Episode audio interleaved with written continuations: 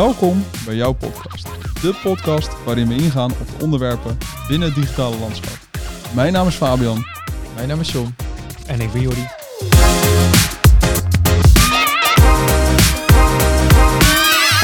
Vandaag gaan we het hebben over scopebewaking. Hoe beheers jij nou jouw scope versus de budgetten en waarom is het zo cruciaal voor jouw project? Ik denk dat het wel leuk is om misschien af te trappen met een recent voorbeeldje eh, wat Jordi en ik gehad hebben. Waarbij we eigenlijk uh, in de sales best wel een helder beeld hadden van de vraag van de klant. En eigenlijk naarmate de strategie vorderde, merkte je gewoon dat de behoefte van de klant veel groter was. Um, dus willen je eigenlijk even meenemen hey, hoe hebben we dat nou eigenlijk aangepakt, opgelost en, um, en hoe hebben we dat nou eigenlijk aangepakt en opgelost en hoe zou je daar in de praktijk mee kunnen omgaan? Jordi? Um, nou, sowieso vanuit strategie inderdaad kwam je erachter van uh, bij elke workshop of bij elk, uh, elk contact wat je had, dan kwam er eigenlijk van, oh, misschien moeten we dit toch zo aanpakken. Misschien toch een wisseltje hier of misschien toch, uh, toch een extra blok hier. Terwijl je eigenlijk in die strategiefase al dingen definieert van hey, deze blokken gaan we ontwerpen. dan checken we dat ook met developments. Dan gaan we John lief aankijken. Kan het binnen deze tijd? Kan het binnen de uren die gereserveerd zijn? En um, ook naarmate de behoefte van de klant kwam steeds maar aan bod van ja, misschien moeten we toch, nou, een voorbeeld die wizard toch wel gaan inzetten. Ja, dat, is, dat is leuk. Uh, maar die voortschrijdende inzichten, die kom je eigenlijk uh, tegen naarmate je dat project verder gaat. Dus dan is design ook al een stukje bezig. En omdat het dan concreet wordt, gaat iedereen denken van, oh, misschien moet het zo doen. Zeker als het visueel wordt. Dan de strategie blijft nog altijd een beetje vaag. In sales ook. Maar design is het tastbaar. En eigenlijk elk mom klant, moment, elk klantcontact kwamen er eigenlijk achter weer de hele vraag sluit niet meer aan. Omdat je, we zijn achter dingen gekomen in het onderzoek, wat um, ja, eigenlijk op voortschrijdend inzicht zijn we voort gaan, uh, gaan bouwen. Maar de totale vraag aan het begin is, ja, die, die is niet meer relevant eigenlijk. En dan kom je erachter, oh, dan, dan gaat budget ook weer een rol spelen. Van ja, oké, dit hebben we bedacht aan het begin, hier moeten we heen. Maar dat is een totaal andere kant op. Dus hoe gaan we dat dan ja, eigenlijk weer recht trekken. Heb je een voorbeeld van een aantal belangrijke elementen van de workshops waarvan je zei, hey, juist omdat we hierop ingaan, komen we tot dat soort inzichten? Heb je daar een paar praktijkvoorbeelden van? Um, nou, zo, het meeste haal je eigenlijk altijd wel uit die, uh, nou, we doen we dat altijd de persona workshop. Dus even met de doelgroep ga je, ga je kijken hoe gaan we dat nou doen. En het leek eigenlijk wel een hele straightforward website te worden, maar ze wilden toch ook een andere uh, doelgroep aanboren. En um, die, dat andere klantsegment had ook totaal geen connectie met wat de andere klantsegmenten was. Dus je had twee verschillende doelgroepen eigenlijk op één website. Maar daar heb je ook weer aparte elementen voor nodig. Hoe ga je de ene customer journey weer begeleiden naar de andere? Verschillende ingangen, verschillende menustructuurs. En op die manier kwamen er eigenlijk weer. Je hebt eigenlijk gewoon twee websites die wel weer uh, ja, in één geplot moeten gaan worden. Dus in plaats van één website werden het min of meer twee. Een stukje filtering in een, uh, ja, een archief noemen we dat, waar alles samenkomt. Die filtering was niet duidelijk voor de ene doelgroep, voor de andere weer wel. Maar ja, dus dan heb je weer een wizard nodig om dat goed te gaan begeleiden. Maar dan kom je er eigenlijk achter, ja, dan heb je al een wizard, een extra archief, eigenlijk een extra website erin. Ja, dan zie je elk klein stukjes wat je dan denkt van, oh, dat is maar een klein beetje wat erbij komt. Want als je denkt van, nou, filtering aanpassen, dat is niet heel veel tijd of, uh, of heb je niet heel veel budget voor nodig. Dat klopt. Maar als je alles bij elkaar op gaat tellen, ja, dan loopt het wel door. En alles wat niet begroot is aan het begin, dat komt wel als een verrassing voor die, uh, die opdrachtgever in dat opzicht. Van ja, ja, de, maar hoezo hebben we dit niet eerder gezien of wat dan ook? Ja, logisch. We zijn bezig met voortschrijdend inzicht. Ja, dus eigenlijk was dit voor de klant ook wel eigenlijk even vernieuwend of verfrissend. Misschien weer eventjes van, hey, stapje terug. Wie ben ik nou eigenlijk? Voor wie doe ik dit nou? In plaats van eigenlijk misschien al jaren op de automatische piloot gewoon gaan. Zeker, vooral, dat zie je denk ik, dat zie je best wel vaak gewoon door, door dat uitzoomen, dat ze denken van, oh, misschien moeten we het toch anders aanpakken. Klopt onze huisstijl wel? Dan gaat in één keer de, de basisvragen komen in één keer wel. Past het nog wel wat we doen? Is de identiteit die we hebben nogal wat, wat we ook uit willen gaan stralen? Um, dus ja, dat challenge is sowieso belangrijk voor dat voortschrijdende inzicht. En soms heb je ook, ja, dat, ja dan, dan heb je gewoon meteen aan het begin een goede match of scope van, hey, dit gaan we doen. En dat blijkt ook allemaal te kloppen. Ja, dan top, dan ga je het sowieso halen. Maar in veel gevallen komt er toch altijd wel iets bij of gaat iets af. Want aan het begin kan je niet 100% alles afkaderen. Al zit je op 75%, denk dat je al veel op een groot gedeelte zit. Zeker in het sales traject. Dan is het allemaal nog vaag en nog heel ja. Ja, wollig van we willen een, een nieuwe website. Oké, okay. is goed, gaan we fixen. Maar dan... Ja. ja. En hoe ga je om met die, met, die, met die scope dan? Want kijk, wij praten hier natuurlijk heel veel over scope. Um, ik begrijp heel... Ja, ik begrijp klanten dat ze denken in budget. Eh, want uiteindelijk is een klant ook 9 van de 10 keer die eh, het geld moet uitgeven voor die volledige scope. Hoe ga je er dan mee om dat die scope verandert in een workshop voordat we überhaupt zijn gestart? Ehm, dat is eigenlijk, eh, dat is denk ik ook een goed voorbeeld dat we in dit project hebben aangepakt. Of in ieder geval ook onze learnings daar weer uit. Van elke discipline heeft er wel gewoon altijd invloed op. Dus als je merkt van, hé, hey, dit gaat toch een andere kant of toch een verkeerde kant. Dan toch altijd even checken met Salesforce. Wat hebben we nou eigenlijk concreet afgesproken? Past het binnen dat plaatje? Dan ga je ook kijken met stukje PM. Past dat überhaupt binnen het budget? En daarvoor heb je het ook nog gescoped met, uh, met design en development kan dat wel? Uh, hoeveel uur hebben we daar extra voor nodig? Dus elke keer als zoiets voorkomt, moet je daar gewoon meteen uh, ja, even meepennen. Dat doe ik heel vaak. Gewoon alles meeschrijven wat wordt gezegd in die sessies. En dan ook gewoon terugkoppelen. Dat je laat weten van oké, um, we hebben eigenlijk in die sessie dit en dit en dit aangegeven. Maar ik ben het even voor je gaan uitzoeken. En het blijkt dat het niet binnen het totaalplaatje wat we afgesproken hadden gedaan. Dus Ehm, we kunnen dat wel oppakken, maar let erop, dat heeft wel impact op het budget, maar ook op de planning. Want ook ja, als we dan uh, als Fabian lief aankijken van ja, past dit er nog tussen? Het moet ook maar passen. Want als jij, eh, als John bijvoorbeeld weer volgepland zit voor 40 uur, in die week waar we het eigenlijk zouden gaan maken, ja, hoe gaan we dat dan doen als een element weer 4 uur extra is bijvoorbeeld? Ja, ik denk dat daar ook altijd wel, uh, misschien als ik daar mag inhaken, best wel een interessant balans vindt. Kijk, je hebt natuurlijk ergens enerzijds scope en je hebt natuurlijk ergens je budget en je planning. En dat balans moet je zien te bewaken. Want soms kan inderdaad de scope veranderen, maar dat hoeft niet ten altijd weer impact te hebben op dat de budgetten niet meer haalbaar zijn. Dus vandaar dat wij ook wel zeggen, hey, dat hele scope, budgetbewaking, dat is ook echt wel een team effort. Want het kan daardoor wel zo zijn dat John misschien zegt vanuit zijn rol, hey, maar als we dit dan sowieso doen, kunnen we daar weer wel weer zoveel uur winnen kunnen dezelfde oplossing bieden zonder dat uh, de klant daarvan denkt, oeh, ja, nu moet ik weer uh, de, de, portemonnee trekken. En ik denk dat dat ook wel ergens goed is, maar ik weet niet hoe jij dat natuurlijk ervaart, dat we natuurlijk workshop, we nemen natuurlijk stap voor stap mee in het proces. Het is niet dat we in één keer in één sessie komen tot tien nieuwe inzichten en uh, surprise, surprise. Dit is nu in één keer jouw scope of work. Nee, doordat je eigenlijk stap voor stap de klant meeneemt, creëer je eigenlijk ook al bewustwording. Waardoor de klant ook wel het gevoel heeft van, hey, maar als we dan dit doen, dan heeft dat misschien impact op dit. En als je op die manier met elkaar kan meedenken, dan merk je echt wel dat je ook echt samen aan het ja, elkaar aan het challengen bent tot de juiste, het juiste vertrekpunt. Eigenlijk misschien wel. Dus de juiste, ja, we zeggen dat, eerste scope of work voor zo'n project. En dan ziet de klant ook weer van ja, misschien is dit ook wel interessant om eerst eens te meten voordat we het al volledig gaan bouwen. Dat we eens gewoon weten van nou, wat zijn nou die touchpoints of wat zijn nou die interacties? En vanuit daar gaan kijken van nou, hoe kunnen we dat dan hoe kunnen we die conversie naar het hoger niveau gaan tillen met ehm, de extra's die we bedenken? Zeker, en dan is ook voor bijvoorbeeld nou, de tussentijdse review waar ik net eigenlijk aanhaalde van neem anderen mee. Dan heb je ook bijvoorbeeld, ik denk dat het in elke fase komt er altijd weer wat voorbij.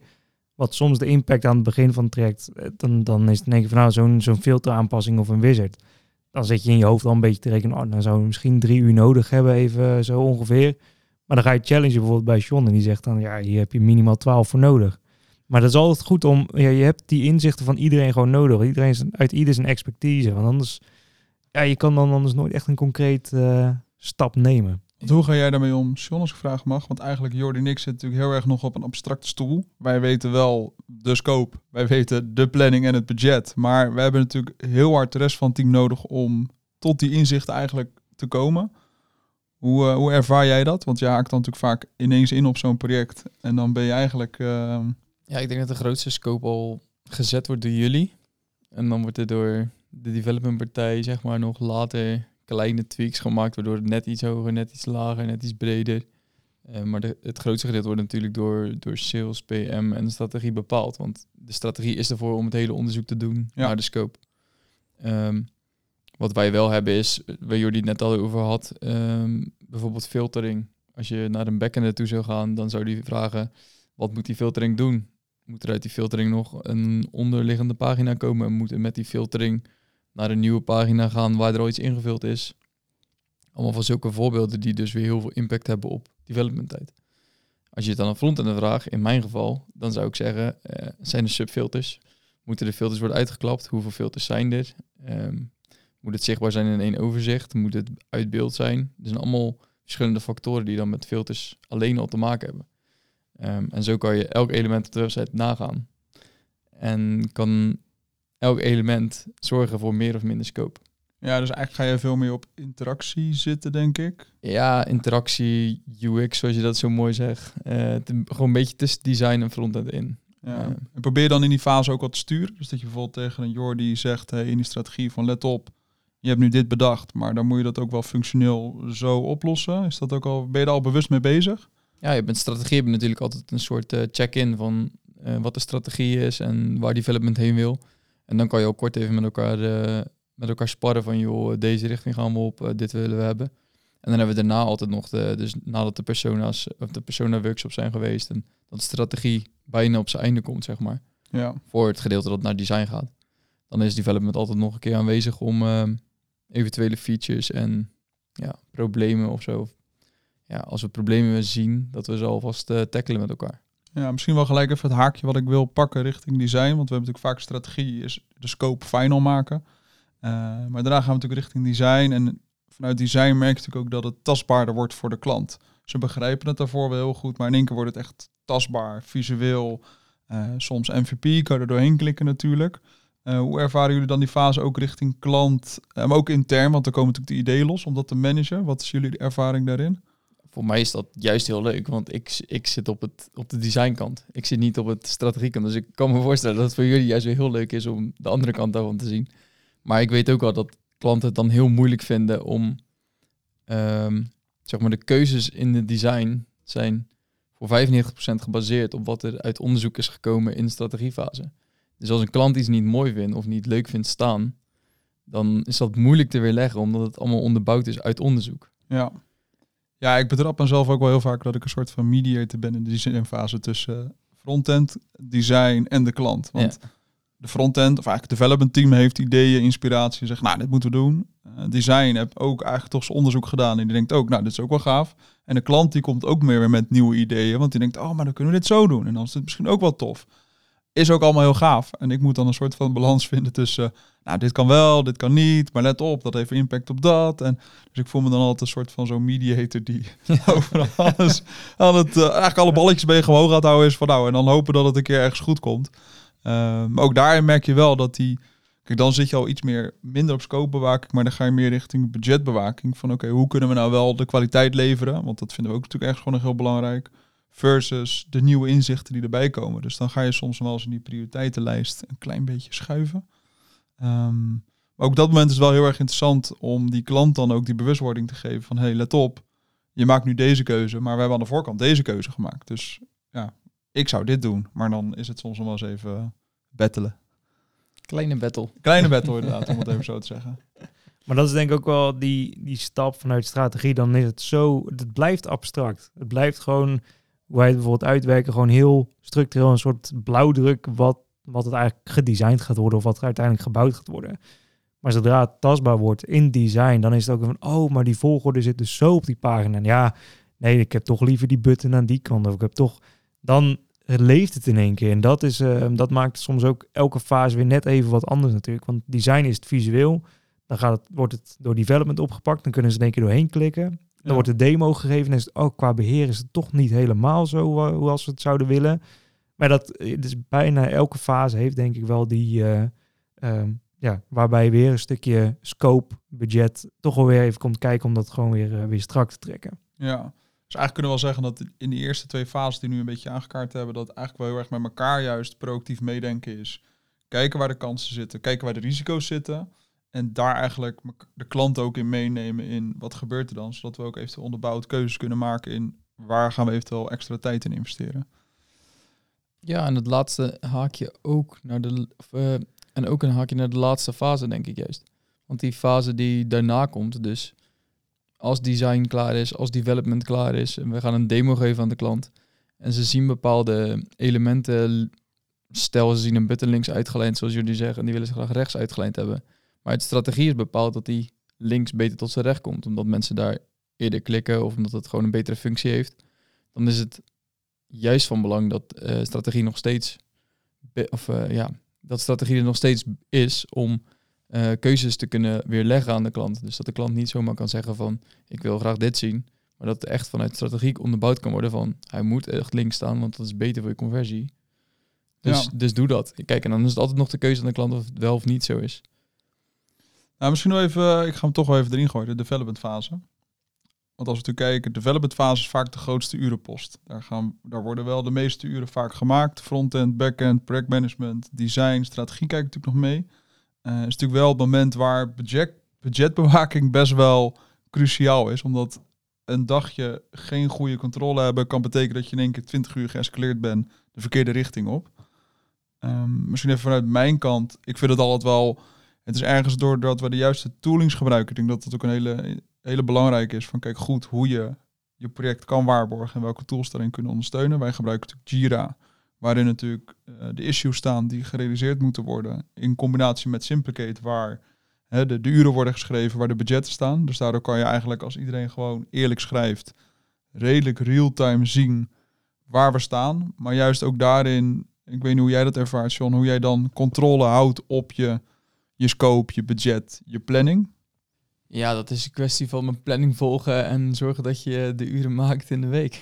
dat is niet... Uh, daar is geen hogere wiskunde voor nodig, denk ik. Als jij 40 uur werkt en je staat voor 50 uur ingepland, dan moet je al aangekloppen bij de projectmanager. Nee, eens. Maar ik denk dat er wel misschien wel een interessante stap tussen zit. Van uiteindelijk, je moet 40 uur maken die week. Even meestal is het wel iets minder, maar van hey, hoe zorg je er ook voor dat je wel een beetje een beeld hebt op woensdag of op dinsdag?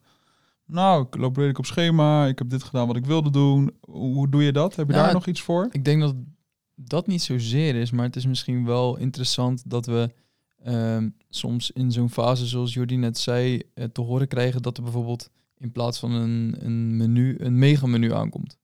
Omdat de strategie toch een beetje bijgeschaafd moet worden dat zorgt er wel voor dat mijn planning daardoor in één keer acht uur groter is. Of tenminste dat het project acht uur langer gaat duren.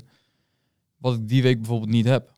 En dan is het wel uh, zaak om gelijk bij projectmanagement of bij strategie desnoods aan te geven van joh, dit heeft wel gevolgen voor mijn planning. En dan is het dus weer de taak, nou aan jou in dit geval als projectmanager, om te zorgen dat die planning dan ook weer juist is. En dan gaat heel dat balletje weer rollen van de hele scopebewaking. Ja, ja, ik denk dat dat wel het mooie is. Kijk, wij werken natuurlijk steeds meer in, een, in sprints, om het even zo te zeggen. Waarbij we natuurlijk al zeggen, hey, we hebben twee weken de tijd. In twee weken hebben we 80 uur beschikbaar, twee man. Uh, ik noem nu even een voorbeeld. Dat we eigenlijk al kiezen, als dan zo'n menu erbij komt, dan misschien zeggen, nou laten we dan wel nu afronden wat we kunnen afronden. Opleveren wat opgeleverd moet worden. Min dat ene onderdeeltje, waardoor je misschien wel bepaalde deadlines, oplevermomenten kan halen. Maar dat extraatje net even wat later doen bijvoorbeeld. Laatst hadden we natuurlijk een webshop. Uh, voor Bram was dat in dit geval. Uh, die wilde een hele toffe pagina hebben met natuurlijk eh, de geschiedenis van de stichting.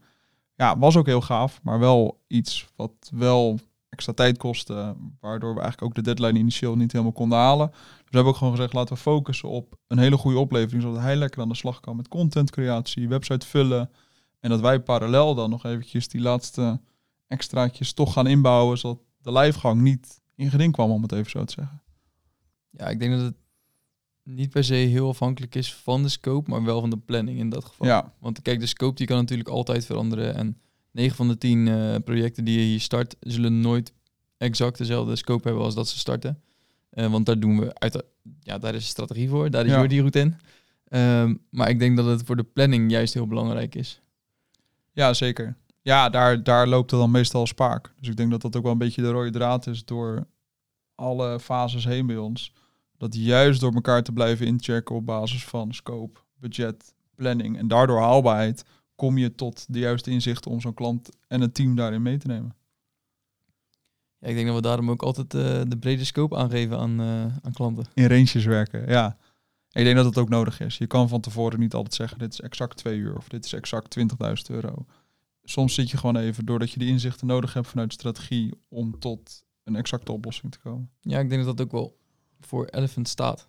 Want wij doen ook echt die strategie uitgebreid. We gaan met de klant zitten. We vragen ook echt wat de klant nodig heeft. In plaats van dat we zeggen, wij gaan dit voor je doen. Ja, nee zeker. Ja, wij zijn daar wel af en toe een beetje eigenwijs in. Om het even zo te zeggen. Misschien wel goed. ja, ja. Nou, challenge toch? Is gewoon eerlijk. Ja, uh, ja en amen kunnen we allemaal. Maar soms ook goed om kritisch mee te blijven denken. En zo tot de beste oplossing uh, te komen eigenlijk kunnen we wel concluderen dat communicatie wel gewoon key is in dit, uh, in dit geval. En dat het daardoor ook uh, wat soepeler verloopt.